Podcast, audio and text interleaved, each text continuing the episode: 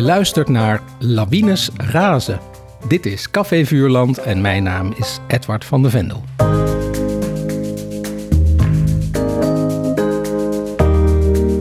In deze podcast herlees ik klassieke kinderboeken met auteurs van nu, of tekenaars in het geval van vandaag. Hoe vers voelen de boeken nog? Wat voor auteur was er aan het werk? En wat voor tekenaar was er aan het werk? Dat en meer bespreek ik vandaag met Mensje van Keulen en Philip Hopman. En wij lazen en bekeken Kleine Sophie een Lange Wapper.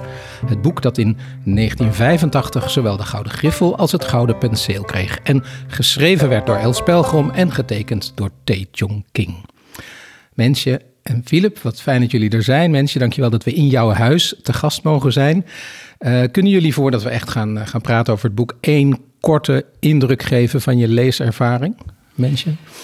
Ik was uh, ontroerd. Ik kan zelfs wel zeggen dat het boek erin hakte. Uh, ik las het voor het eerst en ik kan je straks nog wel uitleggen waarom ik dat voor het eerst las. En aan het eind was het zelfs zo dat ik uh, dat de tranen over mijn wangen rolden. Ja. ja. En niet zomaar rolden, maar echt dat ik een paar keer uh, zo'n zakdoek hier van tafel moest pakken. Ik, ik raakte er een beetje overstuur van. Oeh, ja. Ja, nou, ik kan me wel iets veel voorstellen bij mm -hmm. dit boek, maar daar gaan we het straks over hebben. Philip, hoe was dat bij jou? Ja, ik heb, ik heb het voor de tweede keer gelezen. Ik heb het uh, destijds gelezen en ik heb het al die tijd in de kast uh, uh, hebben staan. Ik denk dat ontroerend wel het woord is. Het is ook heel, een heel spannend verhaal. Het is allemaal merkwaardige, beetje surrealistische scènes.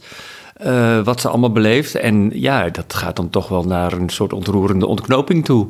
Maar ik heb natuurlijk vooral toen en nu ook weer naar de tekeningen gekeken. Ja, ja. Nou ja, daar hoor ik graag heel veel van je over straks, of heel veel, mm-hmm. dat zien we dan. Ik wil jullie eigenlijk eerst even introduceren.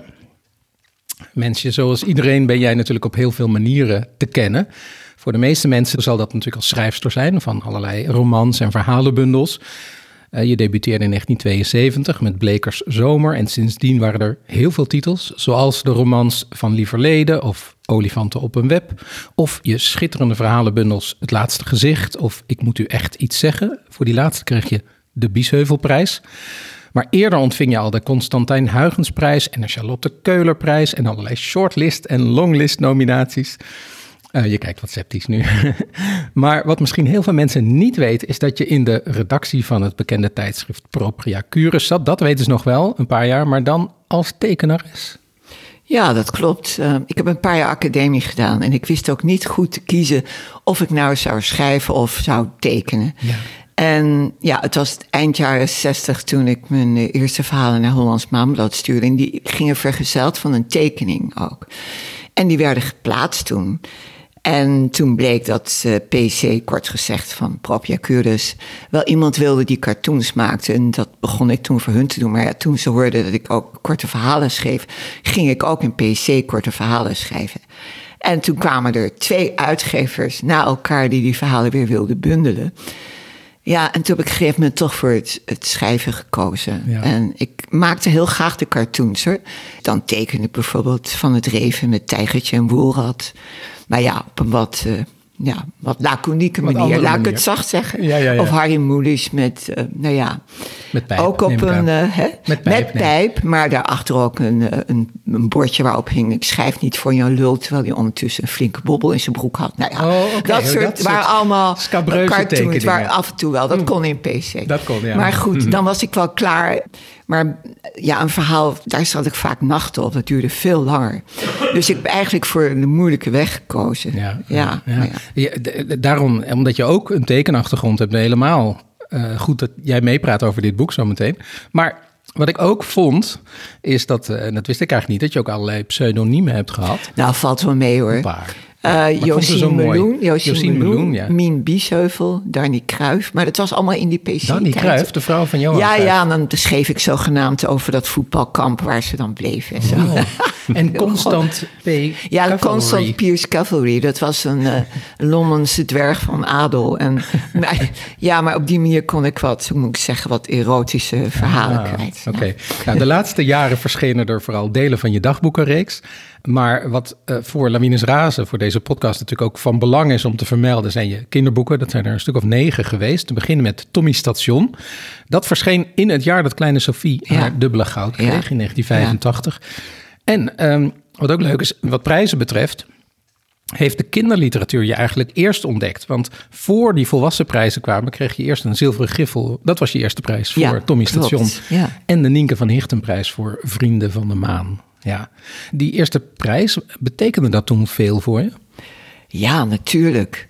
Vooral voor, ja, mijn zoontje was toen pas zes jaar, maar hij besefte heel goed wat het was al. En ook de kinderen in de klas. Dus dat zal ik ook niet vergeten. Vooral omdat die kinderen iets hadden van, hè, staat er in ieder boek voorin voor Aldo? Want zo heet mijn zoon. Oh, ja. dat, oh, hoe dat kon, zo, dat moest je in alle, uitleggen. exemplaar. Ja, dat alles zo gedrukt werd en zo. Dus het, het was heel grappig wat ik me daarvan herinner. Nee, ik was heel aangenaam verrast. En zeker ook met die Nienke van Hichtenprijs. Ja, het is heel wonderlijk dat die kinderboeken voorgingen aan, uh, aan. Ja, god, vrouwen waren vaak benadeeld, lees ik vaak. En dat is ook uh, wel een beetje zo. Ja, want daar ja, gaat het toch. Tenminste, bij de volwassen literatuur, in de kunsten over het algemeen. Ja. ja. Maar ja, dat, dat wende. Ik, ik, dacht daar nooit aan. Je maakte, je werkte gewoon uh, en je gaat door. En. en uh, je, Aldo noem je, je zoon. Was mhm. hij ook de reden dat je kinderboeken ging schrijven? Nou, ik, ik las hem altijd voor. En dan dacht ik altijd, oh, dit is ook uh, niet al te best wat ik nu voorlees. En ik had al veel eerder een keer een zin opgeschreven. Vroeger, maar dan nog eerder. Alleen maar die woorden. En daarvan wist ik, daarmee moet ik een kinderboek beginnen voor hem. En zo ontstond het idee dus inderdaad van een station en een trein. Vroeger bestonden er geen treinen. Zo. Ja, wat is de eerste zin van Tom ja, Ja, die kon ik toen gelijk kwijt. ja. ja. Ja, ik heb ook met zoveel plezier. Misschien heb ik meneer Rattis zelfs nog wel met het meeste plezier geschreven omdat dat gewoon. Dat, een, hele, nee, dat is een hele filijne, kinderhatende man. Die gaan er weg ontdooid. Het was heerlijk om het een keer te laten gaan met zijn stok zwiepend rond. En op zijn stoep met een busje veel goedkoper verkregen witte verf te schrijven. Verboden voor kinderen met een parkeerverbod en zo. En ondertussen alsmaar rommel van straat halen. Dus echt een Einzelganger in een kelder wonend. Ja, die dan langzaamaan van, van Jan Jutte. Ja, van Jan Jutte. Met wie je vaker samen ja, ik, uh, mijn uh, gedichten zijn allemaal door hem gedaan. van A tot Z. En tien stoute katjes hadden gouden penseel. Ja, kreeg hij een gouden penseel voor, ja. Um, nou, we gaan het straks nog weer verder uh, erover hebben. Filip, om jou te introduceren. Jij tekende al nou, zo lang als je bestaat, denk ik, hè, op de basisschool al. Heette waarschijnlijk net, nog net de lagere school toen. Ja, ja, ja, een lagere school. Ja, ja. ja, maar je ging naar de Rietveld Academie. Waar jij dus les kreeg. Ik wist dat je les kreeg van Tae King. Ja. over wie we het straks hebben. Maar ook van Harry Gele. Ja, heel kort. Heel kort. Um, want ik heb uh, de afdeling illustratie gedaan, maar ik combineerde dat een tijdje met audiovisueel. Dus Harry Gele gaf op woensdagavond les in uh, animatie. Oh ja, ja. dus niet specifiek illustratie van Nee, dat was echt op animatie uh, ja. gericht, ja. Volgens mij kwam jouw eerst geïllustreerde boek uit in 1988. Klopt. Een reuze heksentour van iemand van wie we daarna nooit meer Francis hebben Kelly. Francis Kelly, ja. ja. daarna volgde echt een echt een indrukwekkende stroom allerlei door jou geïllustreerde verhalen, prentenboeken, kinderromans. Een greep daaruit zijn bijvoorbeeld boeken over de computerhacks van Francine Omen. Alle jubilientje delen met tekst van Hans Hagen. Ook Hans Hagens Gouden Griffelboek, De Dans van de Drummers, een van mijn persoonlijke favorieten. Uh, en Daan Remmers de Vries Gouden Griffelboek, voordat jij er was. Drie keer tekende je voor het Kinderboekenweekgeschenk. Dat is volgens mij een record. Heeft geen enkele tekenaar zo vaak gedaan. Ja, dat zou ik niet eens weten. Dat zou kunnen, ja. Ja, dat is zo. En een keer voor het eh, prentenboek van de Kinderboekenweek. Ja, ook met Daan Remmets, ja. Ook met Daan. En een aantal belangrijke boeken zijn ook nog uh, een paar prentenboeken met tekst van Tibbe Veldkamp. Ja. Een ober van niks, dat was jouw eerste Dat was mijn debuut als prentenboek, ja. Ja, Temmer Tom, daar kreeg je een vlag en wimpel voor. En 22 wezen, daarvoor kreeg je een, een zilveren penseel. penseel. Ja, en je maakte indrukwekkende, prachtige nieuwe tekeningen. Mijn andere favoriet voor Wiplala van Annie G. Schmid. En bent nu samen met Ted van Lieshout verantwoordelijk voor de heel succesvolle Boer Boris reeks die inmiddels 18 delen omvat. Ik ben aan het 19e ja. begonnen, ja net. ja. En na een carrière waar vind ik best wat meer zilveren penselen of gouden hadden mogen ja, komen. Ja, vind ik ook. Ja, toch vinden we allemaal. Was daar vorig jaar volkomen verdiend de staatsprijs, de Max Veldhuisprijs voor je hele oeuvre. Ja. Heb je eigenlijk al die boeken zo mooi chronologisch ergens staan? Nee, dat werden er te veel.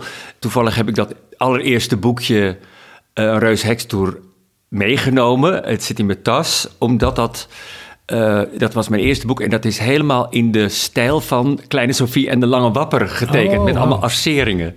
Want Ja. ik dacht dat het zo moest, weet Ja. je. En want ik heb natuurlijk heel goed naar, eh, naar eh, King. Ja, ik ben heel erg beïnvloed door King.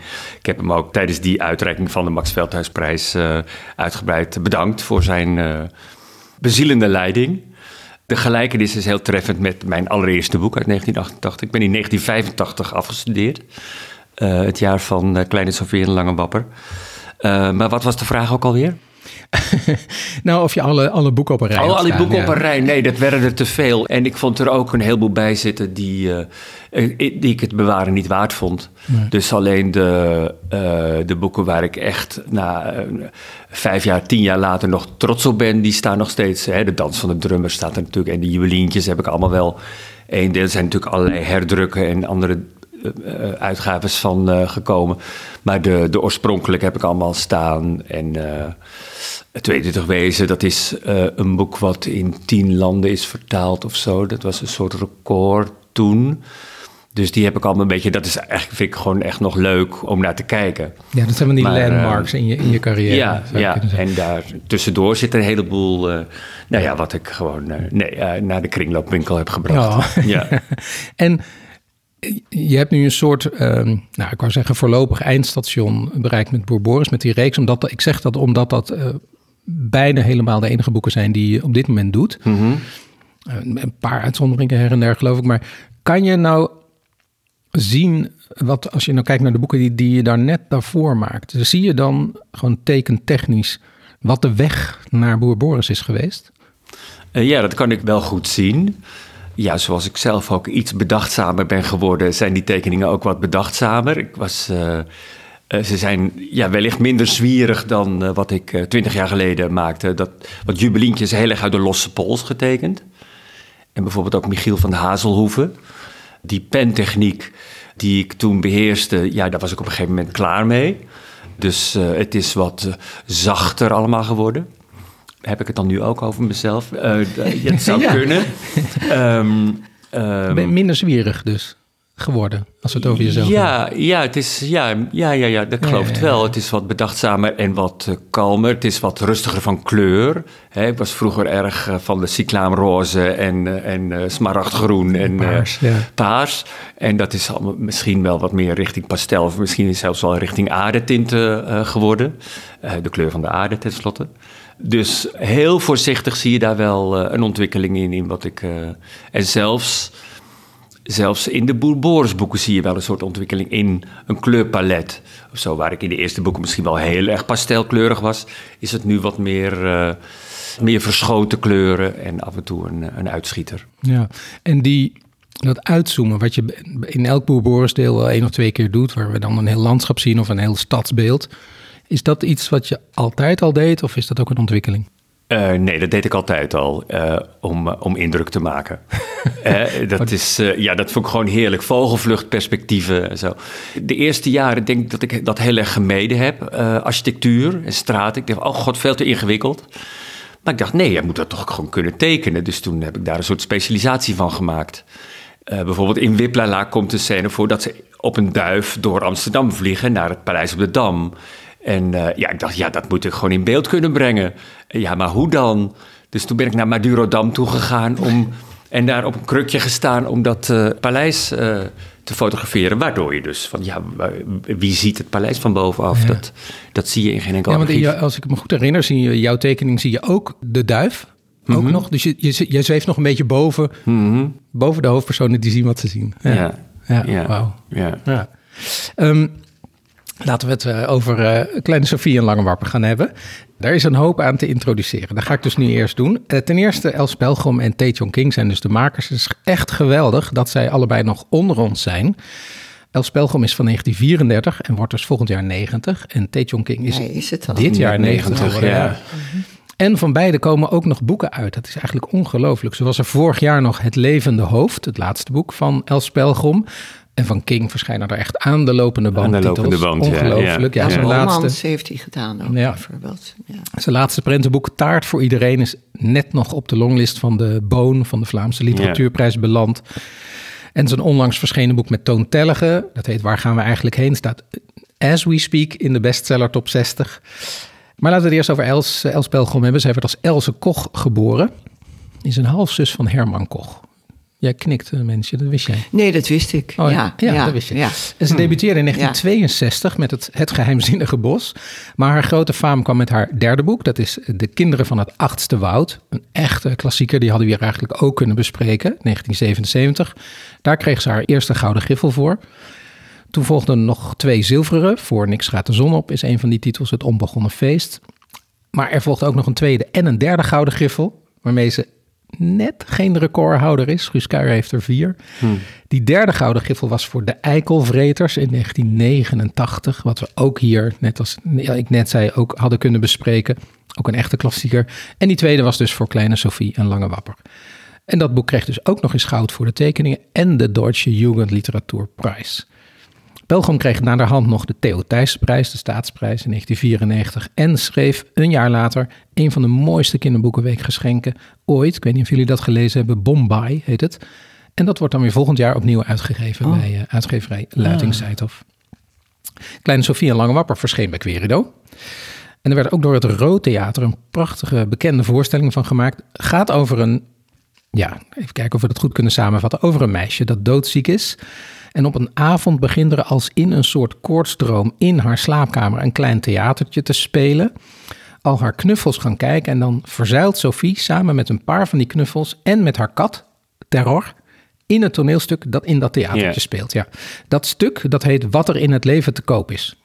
Want dat wil Sophie nog meemaken. Ze wil weten wat er in het leven zit. Het leven dat zij niet zal leiden uh, en wat er allemaal ja, in een leven hoort. De rest van het boek is een avonturentocht van Sophie met haar knuffels Lange Wapper en Beertje. Met kat Terror. En dan heb je ook nog de mooie pop Annabella.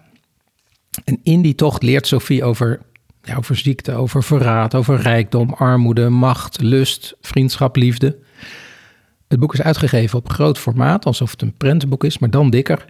De tekeningen van eh, King zijn monumentaal, groot, in zwart-wit, met heel veel beweging, maar ook heel veel schaduwen en lichtbronnen, met een ja, genuanceerd gearceerde achtergrond. Filip, jij noemde het net al, en je voelt aan alles, dit is een boek waar deze beide makers zich volledig in gegeven hebben. Dan nog King. Ja, dit is een lange introductie, maar we spreken eigenlijk mhm. ook twee kunstenaarschappen. Tae King begon als striptekenaar, onder andere bij de Toner Studios. En in 1977 debuteerde hij als tekenaar voor kinderboeken. Met een boek dat we al eerder in Lawines Razen bespraken, namelijk Total Los, weet je wel, van Miep Diekman. Net als El Spelgom kreeg hij ook drie keer goud.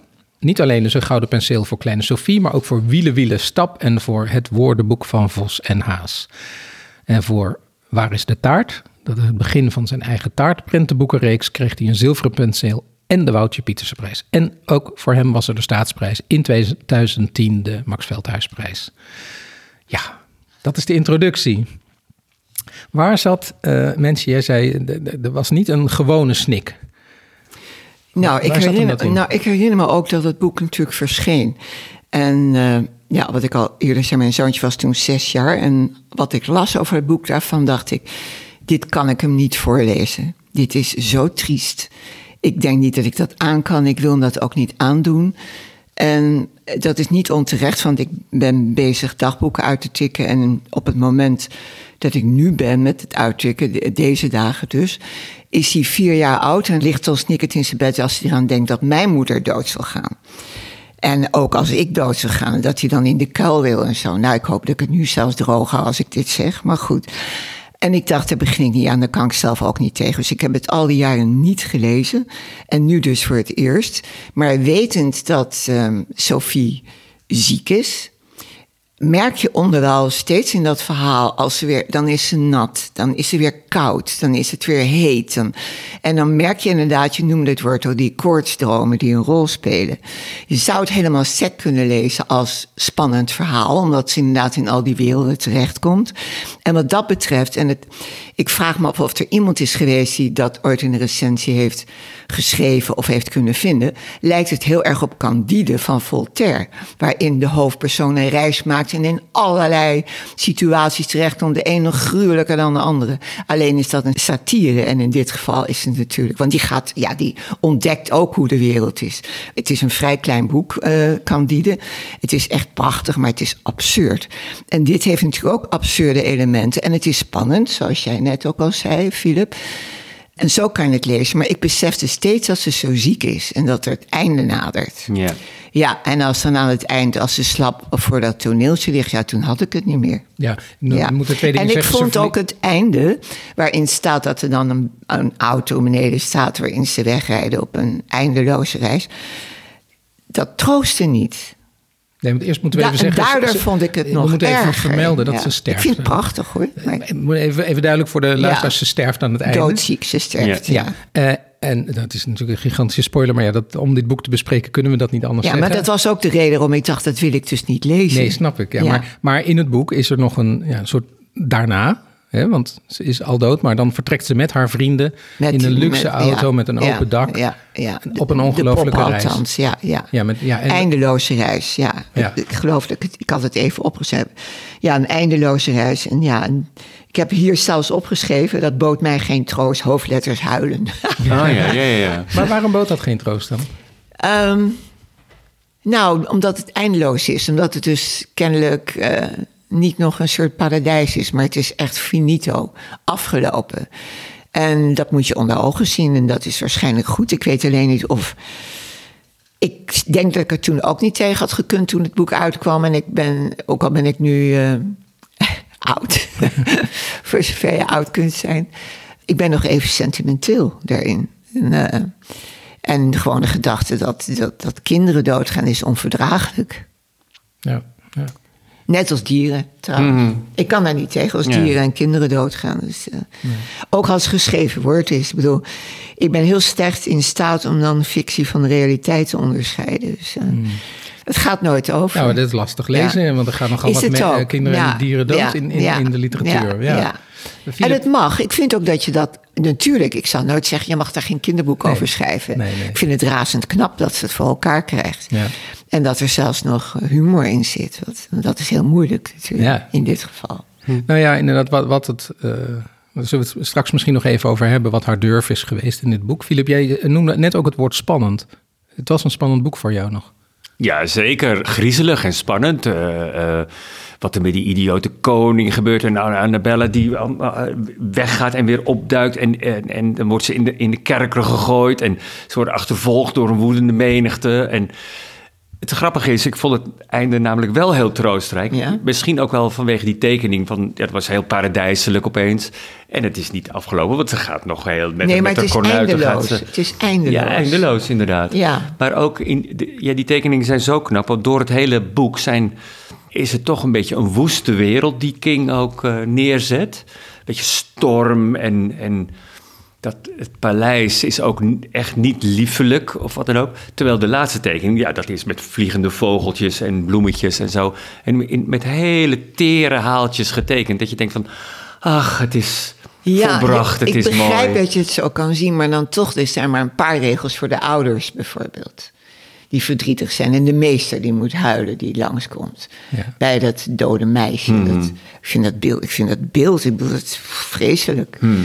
En ik denk ook dat er geen beter einde te bedenken valt. Want misschien heeft ze dit inderdaad wel als troost bedoeld. Eindeloos. Maar... Vonden jullie het geen troost dat ze. eh, Kijk, ik denk dat ze vanaf het begin ten dode opgeschreven was. Hè? Ze Ja, maar dat ziek. weet je. Daar, dus je Dat leest al anders. Ja, maar dan heeft ze toch een heel leven meegemaakt. Ja, ja, ze heeft, heeft alles in de geweest. En al die aspecten die je noemde, die, eh, die kwamen aan bod.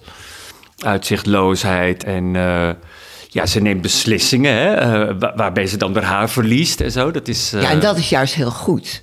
Want ze wil zelfs kaal blijven. Ja, Ja, omdat ze dan in een tehuis zit waar ze het naar haar zin heeft. Dat vind ik een van de mooiste momenten ook in het boek. Ja. Waarin kinderen allemaal een handicap hebben. Ja. Blind, mismaakt. warmte waar is precies. ja. Mhm. Dus ze wil eigenlijk die haren niet eens terug. Dus ik kan me voorstellen dat dat bijvoorbeeld heel troostend is voor een ziek kind. Dat zelf door chemokuur kaal is of zo. Dat, Ja.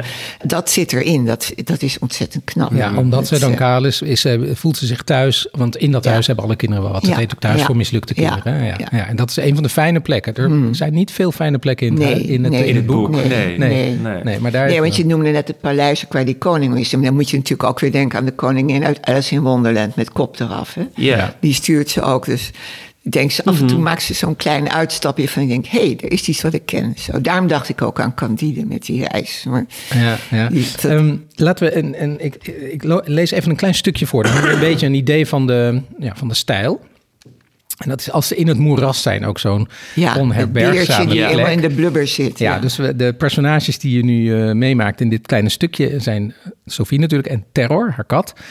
maar En- ook en- Lange Wapper, want die loopt weg. Lange Wapper en Ja. Beertje. Dat is dus ja, een van de andere knuffels. Maar dat is niet iemand die misschien de allergrootste vriend is, zullen we zo kijken. En, en Annabella. Die kleine episode even. Ehm, ze lopen dus door het moeras. Wacht, hoor je dat? Ze bleven staan. Help, help, hoorden ze iemand roepen. Het kwam uit het moeras, ergens in de verte, opzij van het pad. Sophie zag dat Lange Wapper en Annabella ook bleven staan. Een troep kraaien vloog luid krassend boven hen. Opeens striemde de wind de regen hard in hun gezicht. Help, help me toch, ik zak weg, hoorden ze roepen. Hé, hey, wie ben jij? Kennen we elkaar niet van vroeger? riep Lange Wapper. Als ik me niet vergis, ben jij Beertje. Beertje, riep Sophie. Het is Beertje, mijn Beertje. En ze zette het op een holle. Zo gauw ze bij Lange Wapper was, klemde ze zich aan hem vast. Gelukkig hijgde ze. Lange Wapper, riep Beertje vanuit het moeras. De hemel zij geloofd en geprezen. God zelf heeft me die sterke, goedhartige lummel gezonden om mij hier uit te halen. Als ik in de stad kom, zal ik mijn dankbaarheid tonen. Ik zal heilige missen laten lezen, wel vijftig. En het weeshuis een speelzaal schenken en een klokkerspel voor de kerk. En noem maar op, oh, Lange Wapper, mijn beste, allerbeste vriend, red me vlug. Ik zak hoe langer, hoe dieper weg. Dus dat wil je met je geld doen uit dankbaarheid, riep Lange Wapper. Missen lezen en meer van die flauwekul. Kun je niet wat beters bedenken? Als ik in jouw schoenen stond, wist ik het wel. Hé, hey, zeg eens, ik kan je niet goed zien. Hoe ver ben je er al ingezakt? Ach, help hem toch, red nou gauw, smeekte Sophie. Tot waar mijn benen ophouden, riep Beertje. Nou, dat kan bij je voeten zijn of bij je kont, zei Lange Wapper. Maar ik geloof dat ik het al zie. Je zit tot aan je ballen in de blubber. Weet je hoe dat komt, hè, Beertje? Je zakken zitten te vol. Die van je jas bedoel ik. Je hebt te veel geld, mijn jongen. Veel te veel geld. Dat is zwaar spul. Trek je naar beneden. Wat moet ik doen? Help me, help me. Luister, knoop al je geld in je zakdoek en gooi het hier op de kant. Je zal zien hoe licht je je dan voelt. Heus, dan komt het wel goed. Een tijd lang hoorden ze uit het moeras niets dan wat gekreun en zachte snikken. Toen vloog er iets naar hen toe dat met een zachte plof op de weg neerkwam. Annabella stond te schateren van het lachen. Ze sloeg zich op de dijen en op de billen, boog ver voorover, gooide dan weer het hoofd in de nek. Vlug griste ze de zakdoek vol geld naar zich toe en borg hem weg in haar bloesje tussen haar borsten. Kom mee, riep ze en pakte Lange Wappers hand beet. De groeten, riep Lange Wapper. En het beste, hè? Verlamd, haar ogen wijd van schrik, keek Sophie naar Lange Wapper die zich door Annabella liet meetrekken. Terror stootte haar aan en zei zacht: Je wou toch weten wat er in het leven te koop is? Ja, nou niet echt eh, fijn, niet troostrijk, Nou niet ja, warm. Nee. Sorry dat ik het weer zeg, maar in Candide gebeuren ook dit soort dingen. Nee, goud verliezen, eh, onderwel en... eh, nou ja, alleen maar eh, de, de verkeerde koningen, verkeerde adel, verkeerde officieren, hoofden eraf. Het gaat het is allemaal vreselijk. Mensen die volkomen onbetrouwbaar blijken, maar dan echt veel ernstiger en erger natuurlijk. Maar dit is inderdaad zo'n scène waarin je ook kunt zien dat al die lieve dieren ook wispelturig zijn. Dat Lange Wapper niet zo trouw is, maar dat hij uiteindelijk toch weer terugkomt. En het aardige er ook van is, is dat het hingstap sprong is, zoals het ook in nachtmerries kan gaan. Want ineens is Annabel wel weer aardig en is er erbij. En ineens woont Beertje Ja. in een prachtige villa en heeft hij daar kindertjes. En Ja, zo. we weten ook niet waarom, hè? Hij is opeens schat het helemaal spook- rijk. Maar en- zo gaat het natuurlijk Ja. ook in dromen. Daar, Dat, ja. dat, dat kan hierbij. En al die aspecten van het leven, die moeten natuurlijk wel Ja, snel die- voorbij komen. ja, ja, en het dus- boek mag niet de 400 Ja, pagina's zijn. nee, Althans, nee. het had wel gekund misschien, maar dat is het Nee. niet. Ja. Nee, want ze staat dan op een gegeven moment ook voor het raam... waarbinnen het zo gezellig is, hè? zoals in eh, Christmas Carol. Zo, ja, of in ja. Het, het meisje met de Meisje met de zwavel. En het zwavelstokjes, meisje ja, met de ja. zwavelstokjes. Ja. Ja, ja. ja. Ja, Filip, het zijn dan, allerlei. laten we naar de tekening kijken die hierbij zit. Dus die vind ik Ja. echt fantastisch. Ja. Ja. Ja. Kunnen we Ja. die beschrijven? Dat is een beetje lastig. Maar Eh, nou ja, eh, ehm, het is gemaakt met pen en inkt in een grafische techniek. Het is een kolkende zee van wuivend gras. Het is echt ontzettend spannend. Ook de lucht. je ziet de wind waaien. En het is ja, razend knap, omdat in zo'n zwart-wit techniek... en dan die figuren steken daar wit bij af. Al die houdingen kloppen. Het is een en al dynamiek en drama. Ja, heel uh, apocalyptisch of zo zou je, zou je kunnen zeggen. Het is... Uh, ja, het is echt een tekening als een koortsdroom. Mhm. Ja, de houding van iedereen eigenlijk. Ze staan er met z'n vijf op beertje, met zijn armen hoog in de lucht, om hulp vragend. Terror kijkt een beetje toe, maar je ziet bij Terror en bij Sophie dat ze in de loop zijn gestopt. Dus dat ze plotseling zijn gestopt, dat vind ik ook zo knap. Ja. Je ziet dat ze, Sophie's haar wappert nog de andere kant op. Annabella en Lange Wapper, die rennen hand in hand nog een stukje ja, voor. En, je, en ze bewegen toch ook als lappenpoppen. Weet je, dat is heel knap. Zo'n soort slappe armen, maar het is zo ontzettend knap in dat ja, clair obscuur van, uh, van zwart-wit uh, gemaakt. Echt, uh, echt ja, want de lucht is, is bijna zwart, maar, maar wel ja, bijna, ja, maar er zit wel een beweging bijna. in. Dus precies, ja, je, hoort de wind fluiten, ja. Ja. ja. ja. Maar jij zegt inderdaad, je ziet bij Lange Wapper dat het zo'n lange lijst is. En als je dat nou moet tekenen, waardoor, door welk lijntje of door welke houding zien we nou dat hij als een lappenpop beweegt? Ehm, ja, je ziet het ook bij Annabella, omdat haar armen zo slap hangen. Maar ik denk dat King uh, ja, dat weet ik ook van hem. Die gaat gewoon voor de spiegel staan. En die, ja, hoe beweegt ja. een lappenpop zich? ik ga dat nu nadoen, maar het is, uh, ja, het is audio. Houdingen, maar uh, dat ligt in hele kleine dingetjes ook zijn arm is niet een haakse elleboog, maar net een, net een rondje. Oh, Weet je, het is. En dat been, dat, daar zit net een golfje in. Ja, ja geen puntknieën, geen puntellebogen. Die hebben, Precies, ja, dat maakt natuurlijk echt van vlees en bloed. Het is, het, is, allemaal heel bewegelijk en heel. Uh, je ziet het ook in die volgende tekening. Daar zie je het ook heel goed in, ja. ja. ja. En nou, wat ik ook weer mooi vind in dit boek is de verdeling tussen grote tekeningen en kleine tekeningen, strooitekeningetjes. Uh, want hier, de, die, die, we net beschreven, die, dat is een grote tekening, staat op de linkerpagina. En de rechterpagina zien we behalve veel tekst dan ook nog een strooktekening onderaan. Hè, dat is als, uh, ja, wat, welk moment is dat? Uh, als Sophie Langewapper smeekt, denk ik eigenlijk. Mm -hmm. die staat iets in zijn yeah. oor te fluisteren bijna. En Annabella staat een beetje ongeduldig erbij van schiet yeah. op. Yeah. En dan heb je nog een strooitekeningetje van een volkomen verkleumde Sophie. Nou ja, kijk, de, de tekst is briljant, de tekeningen zijn briljant, maar ook de bladspiegel is geweldig goed gedaan. Het is. Uh, ik weet niet of ze dat eerst, uh, eerst de tekst hebben gelayout, want het is zo ontzettend mooi uh, op elkaar afgestemd. De verhouding tekst en beeld. dus er is ook nog een, een grafisch ontwerper daar heel knap mee aan de gang gegaan. Ik weet niet hoe, maar het is. ja, het is allemaal zeer.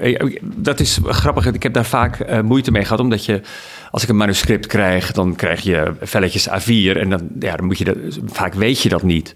Hè, hoe dat er later in het boek uitkomt te zien. Maar dat is hier, uh, is dat allemaal prachtig op elkaar afgestemd ook. Ja, ik denk dat de vormgeving in ieder geval aan de buitenkant van Barbara van Dongen, Torman, ja, ja, ja, ja, ja, maar waarschijnlijk ook van het binnenwerk in dit geval.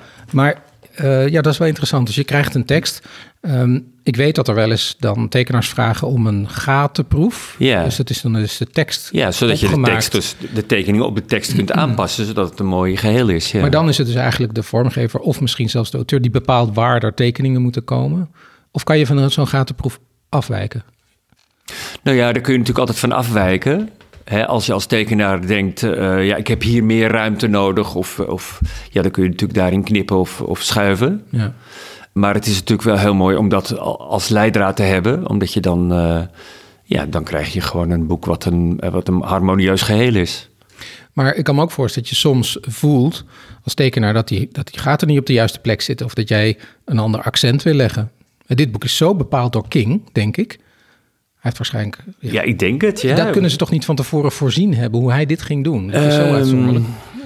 Ja. ja. ik weet niet hoe ze het hebben gedaan. Maar kijk, ik denk dat je... Hè, Queerdo is de uitgeverij, die bepaalt een omvang van een boek. Laten we zeggen, het zijn 150 pagina's. Ik weet niet meer precies. Maar uh, jij, je hebt een andere uitgave. Maar je hebt dus een quotum wat je kunt... Waarvan je, waarvan je 90. denkt... 925. Oh, nou ja. Goed, ja, ja, ja, maar dat is, die ziet er ook dikker uit, inderdaad. Die is kleiner. Kleinere, kle ja, kleiner is ander, dus, dus anders meer, gedaan. Meer bladzijden, ja. Nou ja, goed, dat is een afspraak die je met elkaar maakt. En dat is altijd fijner om de tekst gewoon in de uiteindelijke vorm te hebben zoals die in het boek verschijnt. Zodat je gewoon die tekeningen daarop kunt, uh, kunt maken. Ja. Hmm. En is het nodig om een heel erg. Uh, nou ja, laat ik het anders zeggen. Jij, jij werkt nu al heel lang met, met Ted van Lieshout. Is het dan zo dat jij eigenlijk door zijn teksten al aanvoelt welke kant het op moet gaan met beeld? Of, of uh, bespreken jullie dat? Of... Ja, wij laten elkaar in principe heel erg vrij. Maar ik volg natuurlijk. Er is eerst de tekst. Mhm. Weet je, er is, het is niet zo dat er eerst tekeningen zijn. Er was eerst een idee. En toen was er een tekst. Dus ja, ik denk dat eerst het verhaal er was, ook van Kleine Sofie en Lange Wapper. Dus dan gaat King denken van ja, wat is dat voor meisje en hoe ziet die Lange Wapper eruit? Kijk, Boer Boris is heel erg gebaseerd op, op mijn zoontje, Boris. Uh, dus ik wist hoe die eruit zag. Daar, daar viel weinig aan te tornen. Maar de boeken van Boer Boris bestaan allemaal uit 24 pagina's. Dus dat is altijd een titelpagina en 12 tekeningen. Met een vouw in het midden. Dus ik moet niet iets tekenen wat in die vouw is. En die tekst moet er ergens in. Dus die tekst die draai ik uit op het formaat zoals die in het boek komt. En ja, die kan linksboven of linksonder of rechtsboven of rechtsonder. Dat zijn de mogelijkheden. Ja. En soms mag ik een pagina zonder tekst tekenen. als Ted denkt van, nou ja, ik weet het even niet, ik heb hier geen plaats voor tekst, dan mag ik gewoon zo'n kijkplaat maken. Maar dit mag, jij zegt dat mag ik, dat bepaalt hij. Uh, in het, het boek Boeboos en de Bietjes was er een eindplaats zonder tekst. Maar toen zei ik, nee, tekst, dan moet er toch echt uh, twee regeltjes tekst in. En dat heb ik toen vrijgelaten voor hem, zodat er toch ja, een ontknoping kon zijn. Maar uh, er is ook, Boebors gaat naar de markt. Ja, dan, dan heeft hij allerlei manieren om naar de markt te gaan en niks lukt. En uiteindelijk lukt het wel. En dan is de laatste pagina is gewoon een tekening dat hij eindelijk op de markt is. En daar was tekst gewoon niet nodig. Maar uh, ja, ik, heb, ik heb dus best wel veel beperkingen daarin. Maar daarin ben ik helemaal vrij. Ja, binnen de beperkingen. Ja. Maar um, wat ik ook een beetje bedoelde is, uh, helpt het als je, als je de, de schrijver goed kent? Is dat makkelijker tekenen? Ehm, ik weet dat, dat bij King, die wil eigenlijk heel weinig contact met schrijvers. En die dacht van ja, een verhaal hoeft ook helemaal niet goed te zijn. Want dan ben ik vrij om die tekeningen te hebben. Dan heb ik ook geen beperkingen. Maar eh, Ted en ik kunnen met elkaar lezen en schrijven. En dat vind ik heel fijn. We hebben aan een half woord genoeg.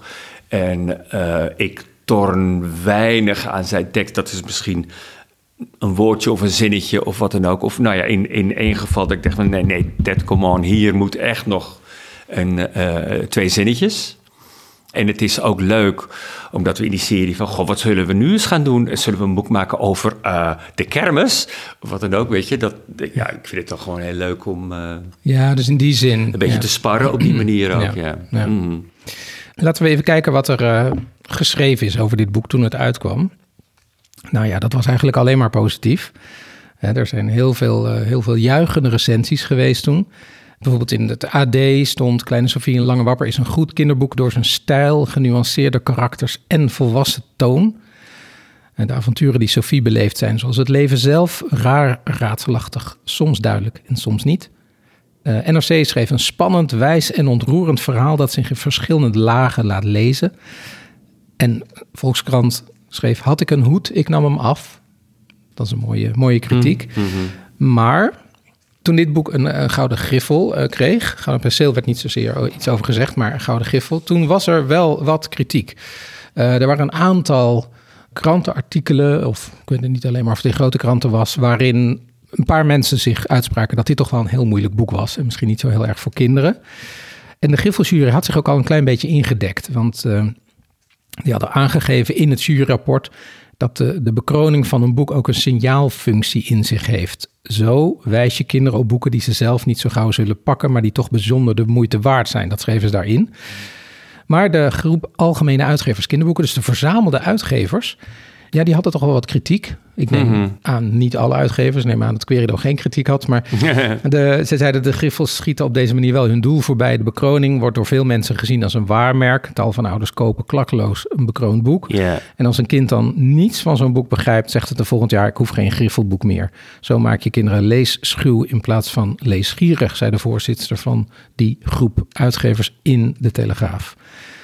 Ja, hebben jullie, vinden jullie hier iets van? Nou ja, kijk, dat is kritiek die niet alleen maar over Kleine Sofie en de Lange Wakker geldt. Dat is natuurlijk bijna zonder uitzondering bij alle Gouden Griffel. Nou ja, behalve die van jou dan. Dat is een heel populair boek. Maar dat heb ik natuurlijk vaker gehoord. Van, dat zijn hele moeilijke boeken. Ik heb bibliothecaresses gesproken die... Uh, het altijd verschrikkelijk. Ja, ze zeggen ja, die, die, die griffelboeken moet ik inkopen, maar niemand leent ze. Maar dat is de functie van die jury. Inderdaad, wat ze zeggen, om ook uh, te prikkelen. En dat het niet alleen maar de chameleon is of uh, ja, hapklare brokken. Dat is die functie. Ze, ze Ja, je beoordelen kom- je- dat op de artistieke je kwaliteit. komt heel snel op wat is dan eh, literatuur en wat is dan pulp en zo. Ja, ja. En hoe toegankelijk moet het Ja. zijn? En moeten we allemaal maar een kleinere woordenschat gaan gebruiken en zo. Precies. Wat natuurlijk onzin is. En. Kinderen, je hoort die hersentjes bijna groeien, zou ik maar zeggen. maar ik Ze denk dat zolang als dat er griffels en penselen zijn, is dat de kritiek geweest op die boeken. Nou, dit is denk ik wel specifiek van de jaren 90, eh, eind jaren 80, eh, begin jaren 90. Toen was er een tijd dat er veel boeken bekroond werden die wel heel erg literair waren. Heel kunstzinnig waren, ja. En boeken van, nou ja, er was iets minder waardering voor bijvoorbeeld de boeken van Astrid Lindgren of van Roald Dahl. Die kwamen ook uit in die jaren. Die kregen ook wel griffels. Die konden natuurlijk geen goud krijgen, want het zijn buitenlandse boeken. Maar dat gebeurde minder snel. Een ander voorbeeld is Harry Potter. Heeft nooit enige bekroning gekregen. terwijl- Omdat die natuurlijk toch al razend populair waren misschien, ja. Ja, maar dat zou- Ja, gekke dat zou een- maatstaf eigenlijk. Ja, ja. nou ja, dus eh, ik denk wel dat in die zin de Griffeljury zeker veranderd is. Want de laatste tien jaar zijn er toch heel vaak boeken bekroond die door veel kinderen ook gelezen kunnen worden. Ja. En eh, er werd in ditzelfde artikel ook aangehaald wat Astrid Lindgren geschreven had over het schrijven van kinderboeken. En ze zei ja, het allerbelangrijkste is, is dat je ingewikkelde dingen op een heel eenvoudige manier zegt. En je zou kunnen betogen dat dit misschien een ingewikkelde dingen niet op een heel eenvoudige Ja, maar ze is natuurlijk wel bij uitstek ook een verhalenverteller.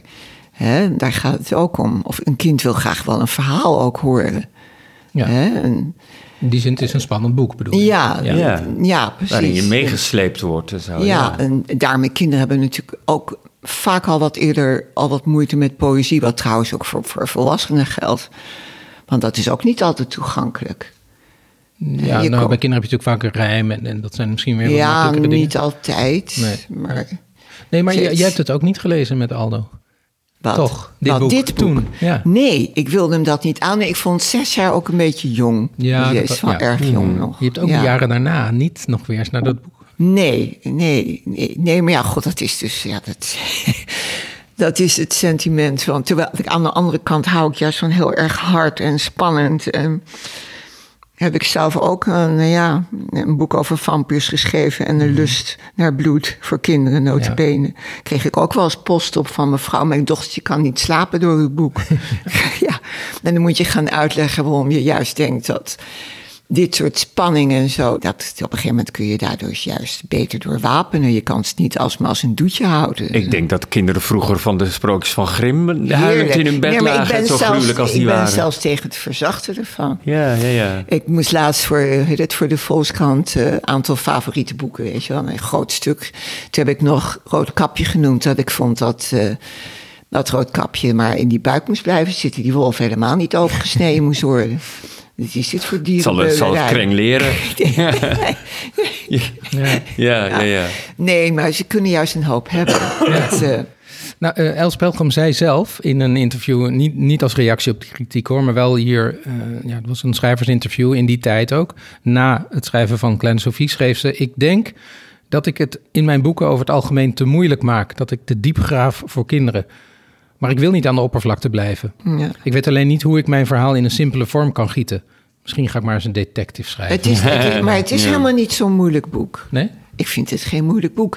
Alleen wel dat het kindje sterft en dat je dat steeds Ja. beseft. Dat is moeilijk. Ja. Ja, maar dat is toch het uitgangspunt van het boek, weet je? Dat, is het waar het boek uitgangspunt. om maar het draait, verhaal is zo goed beschreven, zonder clichés, zo soepel, zo dat je wilt doorlezen. Het is ook grappig, hè, dat als je het nu weer leest, dat je, ja, het, is, het had gisteren Het is heel gemaakt kunnen zijn. tijd. Het is echt, ook hè, tijdloos. ook Totaal heel tijdloos. Ja. Ja. Ja. Ja. ja, echt heel bijzonder. Ja. Nee, dat is zeker zo. Maar ik vond wel, het begin is niet makkelijk. Je moet echt wel even snappen dat zij ook, zij ligt in het bed. Dan wordt ook nog, haar ouders worden heel snel even genoemd. Die zijn niet thuis. Die spelen geen rol van betekenis. Nee, Nee, nee. maar die, moet, die, die sla je toch even op als kind, denk ik. Of in ieder geval, daar, daar moet je een seconde aandacht aan besteden. Dan gaat het over de, de meester, die komt oppassen. Die valt in slaap. Dan begint die, die droom. Dan moet je ook nog de figuren daarin. Dan zijn er nog figuren, eh, de domme August bijvoorbeeld... die in dat toneelstuk een rol hebben.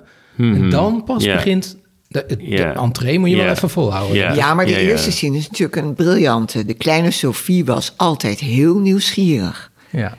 ja. En vooral dat altijd en heel... Ieder kind is op zich wel nieuwsgierig. Tenminste, als het in een wat aardige omgeving opgroeit. Ja. Dan ben je nieuwsgierig. Dus door die zin kan je al een kind vangen. Want dat is ook nieuwsgierig, wat wil weten. Oh, wat gebeurt er dan? Ja.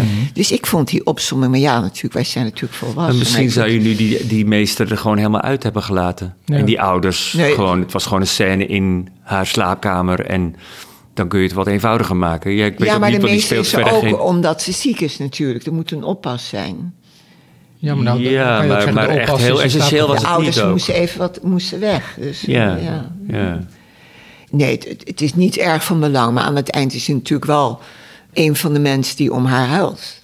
Dus dan wordt hij toch weer eventjes opgevoerd. Ja. Ja, en op zich is het Ja. natuurlijk een, een, een dus dat heeft onderwijzer. alweer een rol. Iemand van school is altijd een, speelt Ja, een de belangrijke school, rol in het leven van een kind. Ja, Ja, ja. Oké, dus op die manier moest hij daar toch...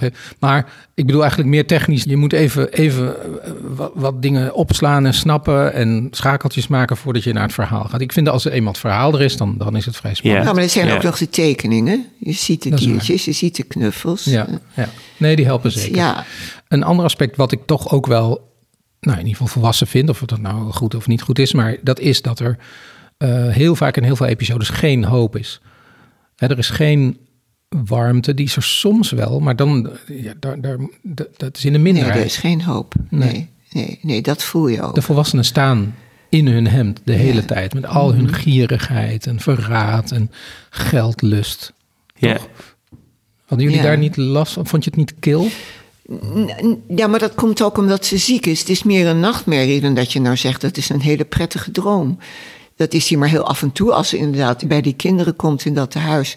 Hoewel je eerst denkt van, oh god, die vrouw neemt hem mee. Dat hek gaat dicht. Oh nee, nu komt er weer horror aan. Maar dat is dan niet is zo. Dus dan weet je ook weer te Weet verrassen. je, de domheid, hè? die tekening dat al die mensen maar een kant uitwijzen als ze de weg vragen naar het paleis. Volgens mij, nee, het is die Ja, kant op, het is die die kant kant op. op, ja, het is, dan- ja, het is, alles is, is verwarrend en, en naar. Maar ja, dat- net al wat ik zei, dat is dat hele contrast met de laatste tekening waar, het, waar de zon schijnt, weet je. Dat is, Ja, maar eh, daarvoor is er natuurlijk wel die enorme storm op zee met echt een draaikolk. Hè? En dan daar verdwijnt ze toch in. Mhm. Ja. Ja. Dat is toch wel heel donker.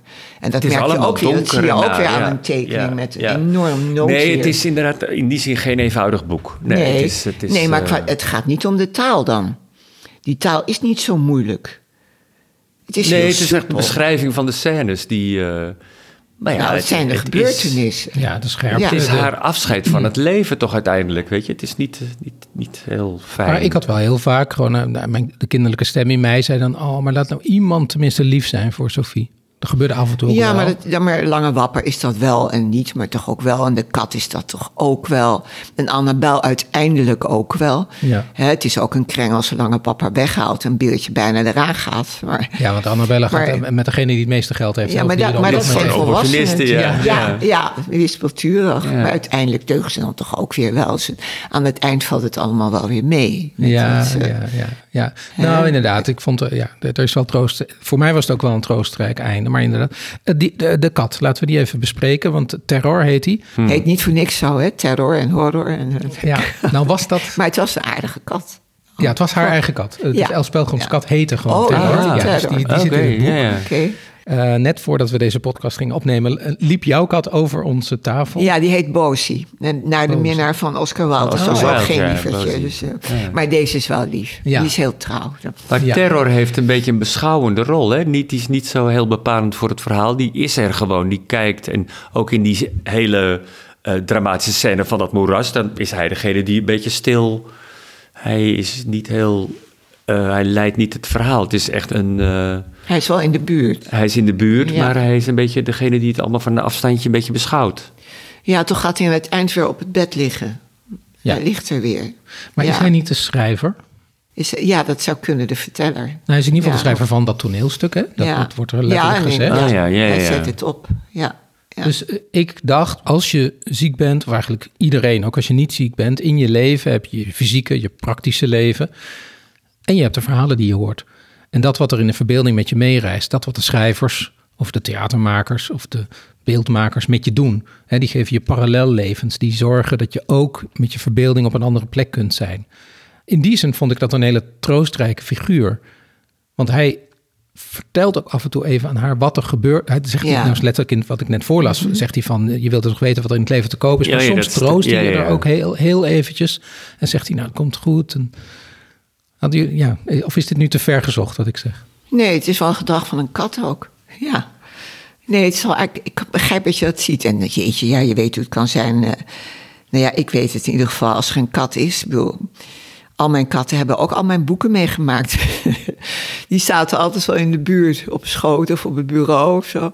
Ik kan me voorstellen dat ze die kat inderdaad op die manier Nou ja, laat spreken. Ja, zeker zich. omdat het de kat van Ja. Els was. Ja, Ja. daarom. Ja. Nee, dit kan ze natuurlijk Ja. heel goed hebben uitgekozen als, Ja. als eh, de commentator van, eh, van het hele, hele relaas, van het hele avontuur. En die uiteindelijk toch Ja. nog weer op het voeteneind ligt, toch, op dat bed. Ja, ja, Als ja. het meisje er niet meer is. Ja. Hmm. Ja. Maar ook wel weer triest. Ja.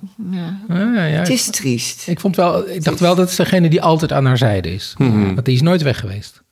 Nee. Nee. Nou, zij zei zelf: Ik weet niet precies wat er in deze terror omgaat. En dan wijst in het interview op haar fysieke, echt levende kat.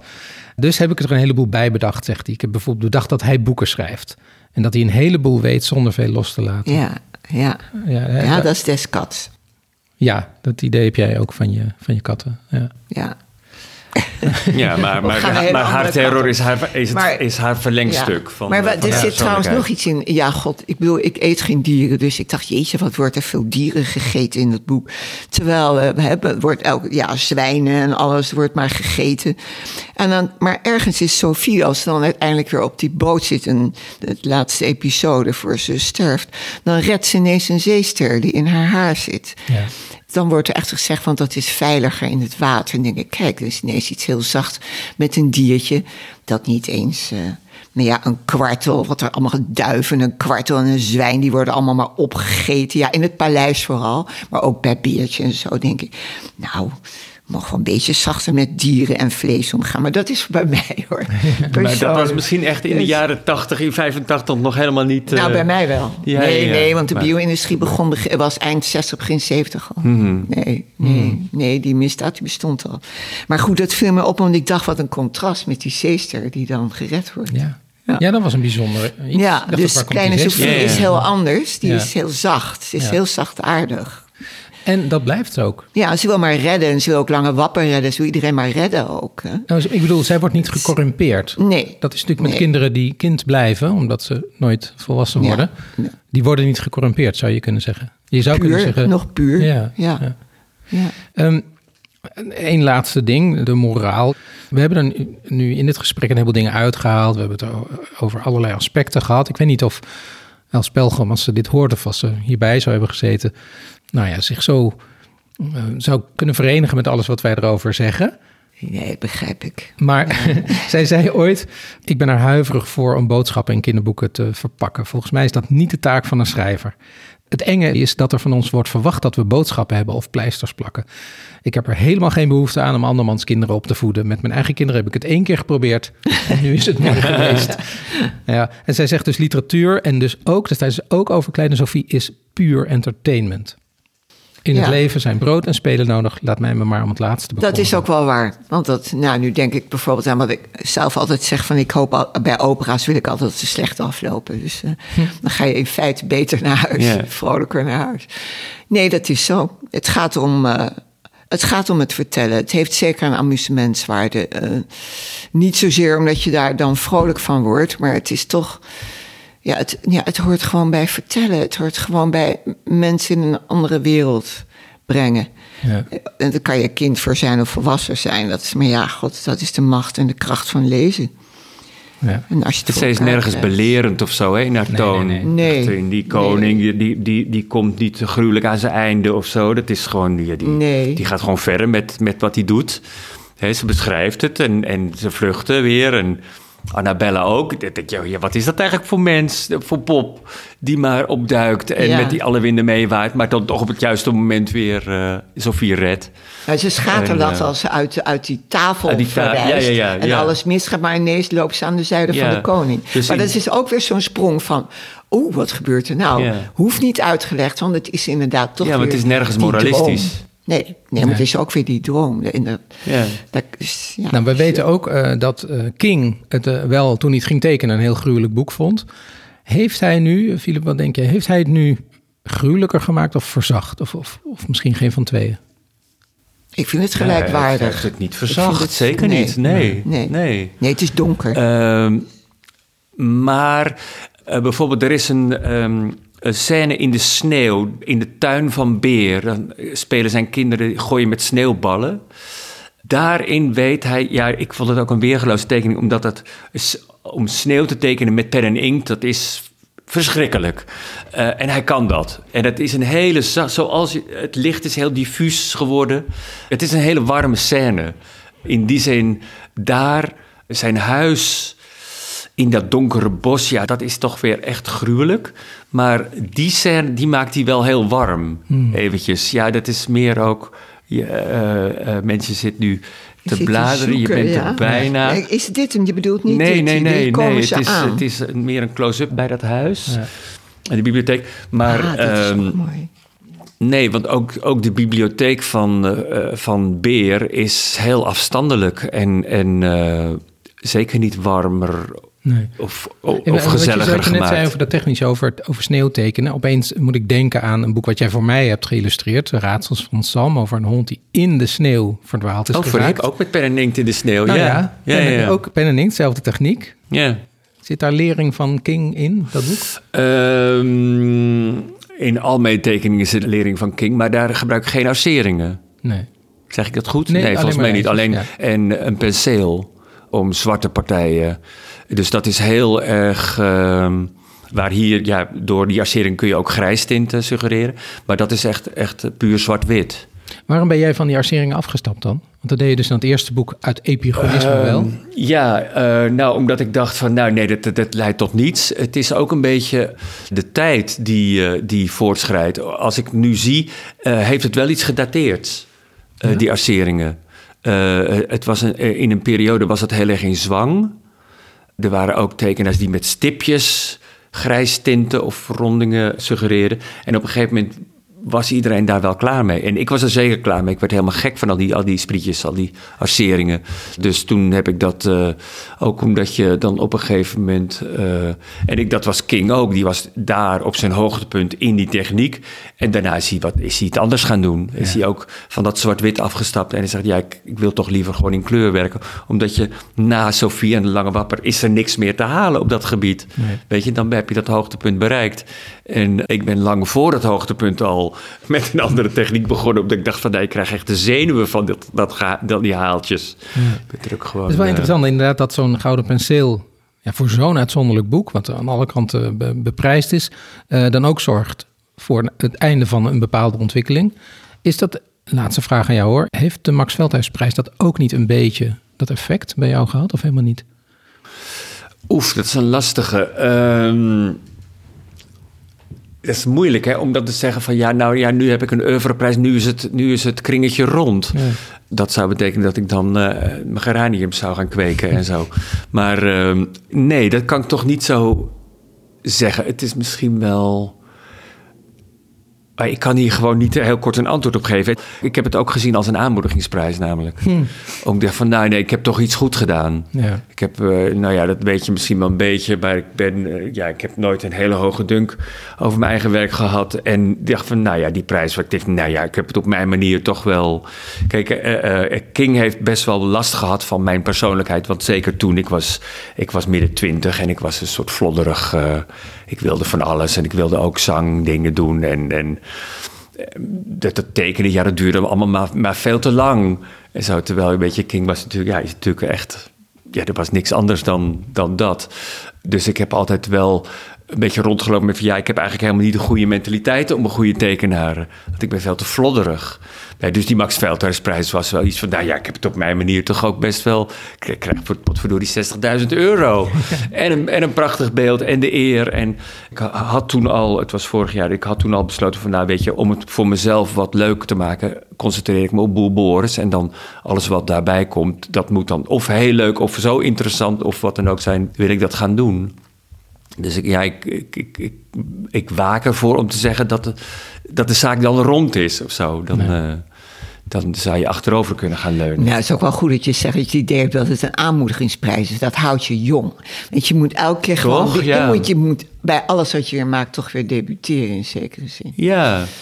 Nou ja, kijk, het is, het is grappig opnieuw. dat ik, dat ik nu met deel 19 van Boeboris weer ontzettend zit harnessen. Ik denk, nou, Ja, god, ik twijfel. en kan daar niks van. Ja. Nee, maar dat is altijd. Dat achtervolgt mij ook dat mensen denken dat je een routinier bent. En dat allemaal Nee, dat dan, moet nooit Maar gebeuren, het werkt toch? niet nee, zo. Nee, nee. nee. Integendeel, het lijkt soms lastiger te worden naarmate je ouder wordt. Ja, en Ja. mensen, eh, jij bent ooit gestopt met kinderboeken maken. Je zei dit, daar straks eventjes tussen neus en lippen door. ja, dat was toen je- begin van de eeuw. Ja, ja. ja. Dat- dat je zei Ja. eh, toen je kleinkind eh, kreeg, eh, dat je toen even nog getwijfeld hebt. Ik heb nog getwijfeld, ja. Ik heb begin van de eeuw nog, heb ik nog Titus gehad met Jan Juttes samen. Ja, nou, het kost me echt wel meer moeite om... om ja, ik schrijf voornamelijk fictie. Dat vereist toch wel wat, een roman. Daar kan je jaren aan werken. Kort verhaal kan ook soms weken duren voor je er één rond hebt. En ja, god, het, het is ook nog een leven verder. Hè?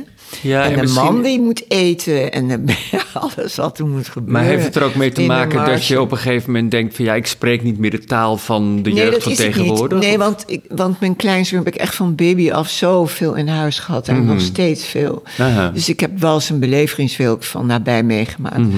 Wat ik in feite bij mijn eigen zoon nog maar heel prematuur had. Dus ik, ik kon toen nog echt heel speels met mijn fantasie toch in de weer blijven. En echt willen ook een kinderboek schrijven zoals Tommy Station. En ook Vrienden van de Maan, omdat er nog geen vampierboek was. En ik dat zelf als kind zo spannend vond. Als je familie van, uit de film Dracula kwam, dan wil ik alles horen. Wat, best- wat is dat En, bestaan? en dat mocht je zo niet kleinzoon dan wel. Ja, dat, maar die was toen een beetje ouder. Nee, Ah, dat mocht hij wel. Dat mocht hij wel. Ja, en de Nee, hoofdpersoon dat ging niet maar dood, ik weet wel dat, dat eh, de uitgever toen van de arbeiderspers echt bezwaar maakte van een kinderboek. Dat kan je niet maken. Je verlaat je volwassen lezers in de steek. Eh, ja. Maar er- ergens, Ja. ik, ben, ik ben van de kinderliteratuur. Ja. Denk ik, verdorie mensen, je hebt ons een beetje in de steek gelaten. Kom terug. Ja, ja ik, ik zit nu aan mijn contract voor dit en ik heb nog iets van fictie. En. De tijd wordt zo schaars, Dat dat, is het. is echt vreselijk. Dat zullen jullie ook merken als je nog wat ouder bent. Ja. Nou, Maar dan- ik zou het soms wel willen. Maar ik denk dan, als ik een terugblik heb, wat als een enkele keer door anderen komt. En dan denk ik, jeetje, ik dat toen verzonnen, zo. Hè, van zo'n mevrouw, meneer Bokken met de smerige kroketten waar insecten in zitten. zulke Ja, die mensen. vliegen die, eh, ja, dat, die van het kwam ik daar nou op en Ja, zo. ja, ja. Dat je denkt, je fantasie werkt heel anders. Maar ik vond het ook altijd, en nog steeds, en ik gebruik ook, als ik een lezing geef, betrek ik toch ook altijd nog al iets van de kinderboeken erin hoor. Want als mensen dan willen weten hoe dat zit, omdat ze denken dat je bij ieder realistische roman en verhaal het allemaal wel beleefd zult hebben, dat het allemaal waar is, dan kan ik altijd zeggen, nee, in mijn kinderboeken was het it allemaal volstrekt verbeelding. En dan kan je inderdaad een vampier, een kinderhater, een, een, een baby in een tas, alles kan je tevoorschijn halen. Maar het komt uit hetzelfde hoofd tevoorschijn als een realistische roman. Het maakt niet uit. Je kunt het allemaal bedenken of het nou fantastisch is of realistisch. Het, eh, dus ik betrek daardoor graag nog, en ik, ik doe sowieso mijn alfabet nog altijd vaak voor volwassenen. Want die houden van taal, het spelen van, met een alfabet. Ik heb van A tot Z ooit een alfabet. Ja, ja, zeker. Ja. Oh, dat lees je nog vaak voor. Ja, dat je. ja, vind ik je. zelf ook leuk om te ja, doen. Ja, oké. Nou, we, we sluiten Maar af. wie weet, wie weet. Wie weet. Wie Oh. weet word ik, eh, Nou, nou, ja, ja, ik weet niet zo oud als J. King. Want eh, hij je werkt nog- inderdaad nog. En Of als Els ook nog. Je hebt ja, nog heel, je hebt zeker. nog heel wat jaren. Ja, Ja, ja. Oh, er komen nog heel, Heel veel kinderboeken. jaren. Ja, nou ja. Oké, nou, dank jullie wel. Nou, er Eh, valt inderdaad nog een heleboel te zeggen. Die drie kwartier zijn zo Nou, hè? om. Ja. Hè? Ja, het is Ja. al veel langer dan drie kwartier. Oh, echt? Oh jee, je moet er nog Zeker. allerlei ellende uithalen. Ehm, misschien moeten we nog een, een eindzin zeggen over dit, dit boek, wat het ons Mhm. uiteindelijk gedaan heeft. Eh, laat ik zelf beginnen. Het deed mij aan als een, laten we zeggen, klassieker, extra klassieker. Waarvan je wel voelt van na dit boek heeft niet alleen eh Pelgrim nooit meer over dit onderwerp kunnen schrijven, heeft King nooit meer zo kunnen tekenen, maar ook hebben een heleboel andere mensen dat nooit meer kunnen doen. Want je voelt toch, ja, Die kunnen het niet Nee, overtreffen. dat kan je niet, Nee. je kan er niet Nee. overheen. Nee. Nee, nee, nee. nee. Nee, het is echt een uniek, eh, uniek Een boek in die hoogtepunt, zin. Ja. echt. Ja. Ja. een- ja. een hoogtepunt, echt uniek. Ja. Fijn. Ja, Nou, ja. dank jullie wel. Leuk. Dit was Lawines Razen, een podcast van Café Vuurland. De gasten in deze aflevering waren Mensje van Keulen en Philip Hopman. De montage was in handen van Ignaas Schoot en mijn naam is Edward van de Vendel. Je kunt alle informatie uit deze aflevering nalezen op www.vuurland.nu. Klik dan even door op Café Vuurland. We bedanken de erven Anrutgers van de Loef en uitgeverij Ploegsma voor het mogen gebruiken van de naam Lawines Razen. Het logo is van Floor de Goede en volgende week donderdag is er weer een nieuwe aflevering. Dan bespreken we Het meisje dat de zon niet zag van Gerda van Kleemput. En de gasten zijn Kaat Franke en Els Beerten. In de tussentijd veel herleesplezier.